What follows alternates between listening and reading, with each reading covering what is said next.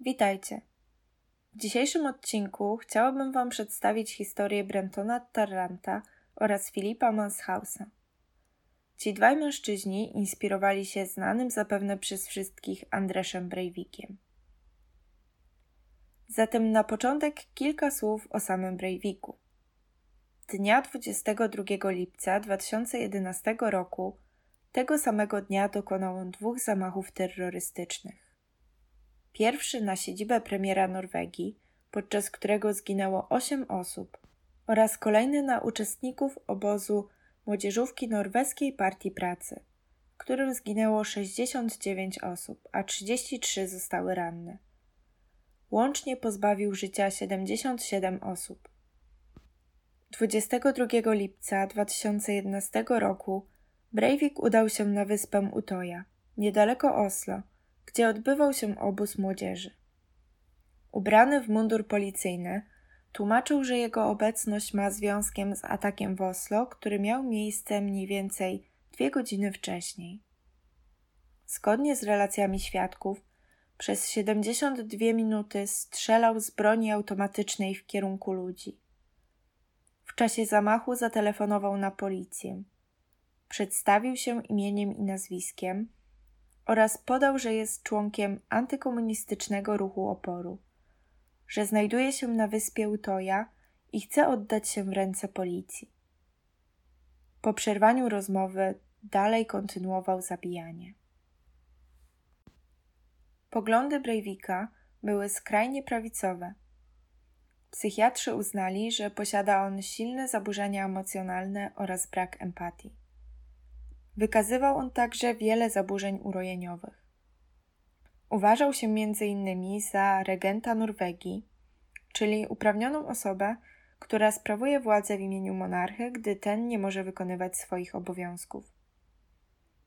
Ponadto twierdził, że jest panem życia i śmierci, najdoskonalszym rycerzem od czasów II wojny światowej oraz przede wszystkim wybrańcem, który ma za zadanie zbawienie Norwegii.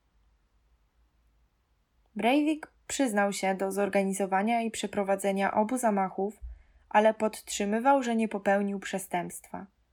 Mówił, że gdyby wypuszczono go na wolność, to dalej by mordował ludzi, których nazywał zdrajcami. Psychiatrzy stwierdzili u niego cechy nartystycznego zaburzenia osobowości. Breivik został skazany na 21 lat więzienia, przy czym kara ta może być przedłużana tak długo, dopóki będzie on uznawany za niebezpiecznego dla społeczeństwa. Ponadto przez 10 lat nie może on domagać się przedterminowego zwolnienia. Wyrok ten spotkał się z wielką krytyką opinii publicznej w innych krajach, gdyż uznano, że nie jest to adekwatna kara do popełnionej zbrodni. Dostał on jednak najsurowszą karę, jaką przewiduje prawo Norwegii, gdyż karę dożywocia zniesiono tam już w 1971 roku. Sądownictwo w tym państwie oparte jest przede wszystkim na resocjalizacji przestępców. Większość Norwegów uważa jednak, że Breivik będzie wyjątkowym więźniem, który nigdy nie wyjdzie na wolność. Warto jednak wskazać, że obecnie w więzieniu w Norwegii nie ma żadnego skazanego, który odsiadywałby karę wyższą niż 21 lat. O Breiviku było głośno na całym świecie.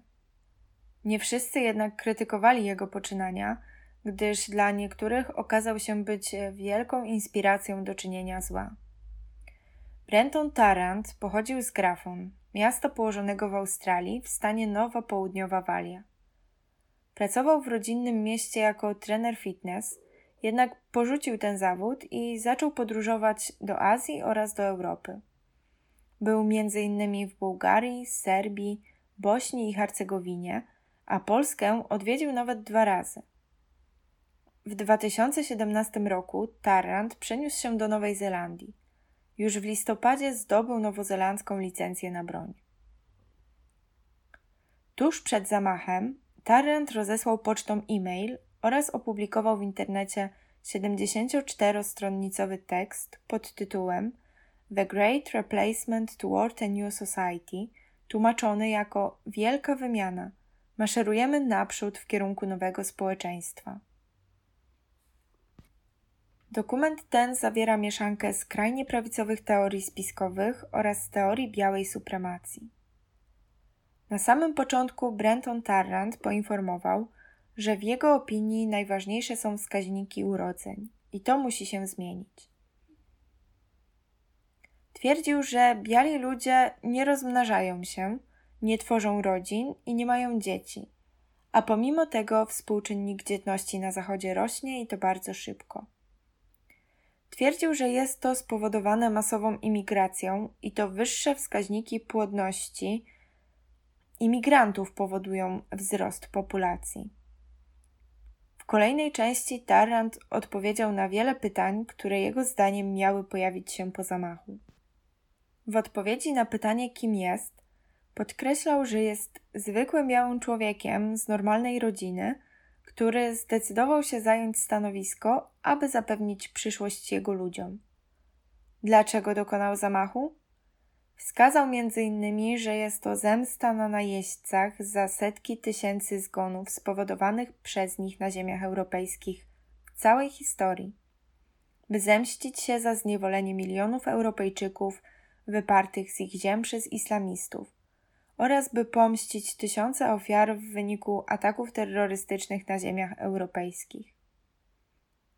To tylko niektóre z powodów, które przedstawił zamachowiec. Jeśli jesteście bardziej zainteresowani tematem, to w źródłach znajdziecie pełne tłumaczenie manifestu. Na pytanie, czego chce, odpowiedział, że musimy zapewnić istnienie naszych ludzi i przyszłość dla białych dzieci. Ponadto jednym z czynników, który pchnął go do dokonania zamachu, było zabójstwo młodej kobiety, Ebbi. Tarrant opisywał, że Ebba szła na spotkanie ze swoją matką po szkole, kiedy została zamordowana przez islamskiego napastnika prowadzącego skradziony pojazd przez promenadę handlową, po której szła. Ebba była częściowo głucha i nie usłyszała nadjeżdżającego napastnika. Twierdził, że to wydarzenie spowodowało, iż postanowił zareagować i powstrzymać ataki. Tarrant wskazywał, że nie jest bezpośrednim członkiem żadnej organizacji ani grupy, ale dodał, iż e, wspierał finansowo wiele grup nacjonalistycznych i współpracował z wieloma innymi. Jednak decyzję o zamachu podjął sam.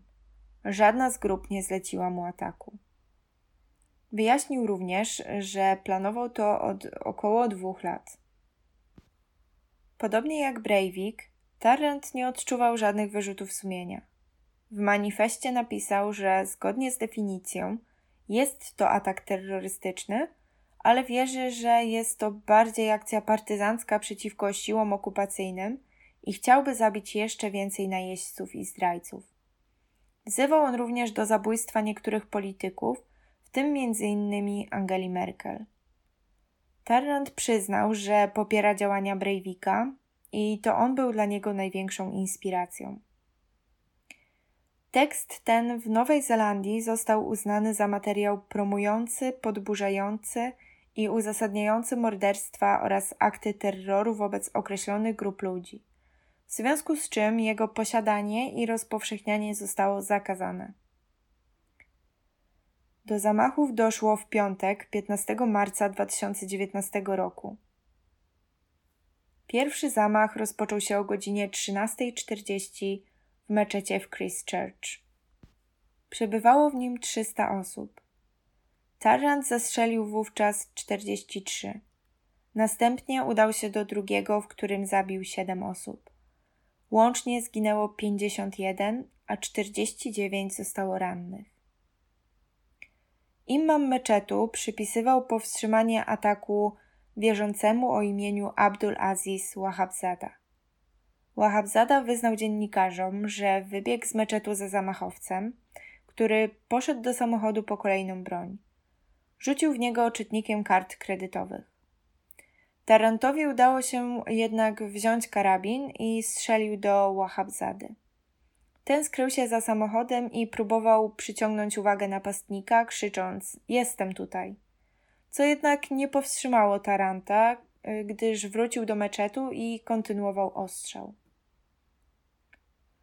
Na broni, z której korzystał, były napisane różne rasistowskie hasła i daty bitew, na przykład bitwy pod Wiedniem. Zanim Tarrant wtargnął do pierwszego meczetu, rozpoczął transmisję wideo na Facebooku i Twitterze. Trwały one 16 minut i 55 sekund. Przedstawiały przebieg zamachu. Transmisje zostały usunięte z mediów społecznościowych, jednak wiele osób zachowało nagranie i próbowało je rozpowszechniać na innych stronach internetowych. Jako ciekawostkę tylko jeszcze wspomnę, że nowozelandzki sąd skazał na 21 miesięcy więzienia biznesmena z Christchurch, który udostępnił wideo z tego zamachu. Według sędziego biznesmen twierdził, że wideo jest świetne i nie wykazywał empatii wobec ofiar. Wyrok uzasadniono tym, iż wykroczenie to gloryfikuje i zachęca do przeprowadzenia masowego morderstwa pod pretekstem religijnej i rasowej nienawiści. Tarrantowi postawiono zarzuty morderstwa 51 osób, próby zabicia kolejnych 40 oraz działalności terrorystycznej. Nowozelandczycy obawiali się, że zamachowiec może wykorzystywać proces jako platformę dla swoich poglądów na temat białej supremacji. Pierwsza rozprawa miała odbyć się w czerwcu 2020 roku. Jednak ku zaskoczeniu wszystkich, e, dnia 25 marca 2020 roku Terrent przyznał się do zarzutu zabójstwa 51 osób, co skutkuje tym, iż w jego sprawie nie będzie procesu. Sąd wówczas pośpiesznie zorganizował rozprawę, podczas której zamachowiec przyznał, że jest winny. Sądy z powodu koronawirusa w większości były zamknięte, zatem do sali sądowej wpuszczono tylko kilka osób, w tym dwóch imamów z zaatakowanych meczetów. Premier Nowej Zelandii powiedziała, że głęboko rozczarowuje fakt, iż więcej ofiar nie miało szansy wziąć udziału w rozprawie.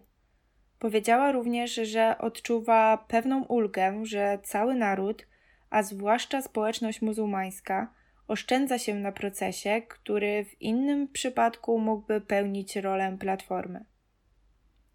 Sędzia Cameron Mander nie wyznaczył jeszcze terminu rozprawy skazującej, ale przewiduje się, że będzie to data, kiedy zniesione zostaną ograniczenia dotyczące koronawirusa.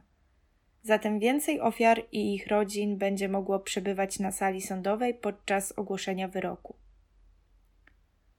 Co ciekawe, nikt wcześniej w historii Nowej Zelandii nigdy nie był skazany za tak wiele morderstw ani za terroryzm. A teraz znów powrócimy do Norwegii. Philip Manshaus to 21-letni zamachowiec z Norwegii, który był wielkim fanem Breivika i Tarranta. Stanowili oni dla niego inspirację. Do strzelaniny w meczecie w Barem w Norwegii doszło 10 sierpnia 2019 roku. Około godziny 16 Manshaus przybył na miejsce uzbrojony w dwie strzelby i pistolet. Ostrzelał okna, a następnie wszedł do środka. W chwili ataku w meczecie przebywały trzy osoby. Zamachowiec zaczął strzelać do nich, w wyniku czego jedna osoba została ranna. Manshaus jednak szybko został obezwładniony przez jednego z przebywających tam mężczyzn. 67-letniego emerytowanego oficera pakistańskich sił powietrznych. Przed atakiem Manshaus zabił swoją przyrodnią siostrę, Johan Ile Hansen. Dziewczyna w chwili śmierci miała 17 lat. Zginęła od czterech kul. Każda z nich była śmiertelna. Manshaus strzelał w głowę oraz w piersi siostry, gdy ta spała w łóżku. Dzień wcześniej wróciła do domu z wycieczki w górach. Ponadto ujawniono, że motywem zbrodni było azjatyckie pochodzenie siedemnastolatki. Johan była adoptowaną córką macochy Manshausa. Pochodziła z Chin i została adoptowana, kiedy miała kilka miesięcy.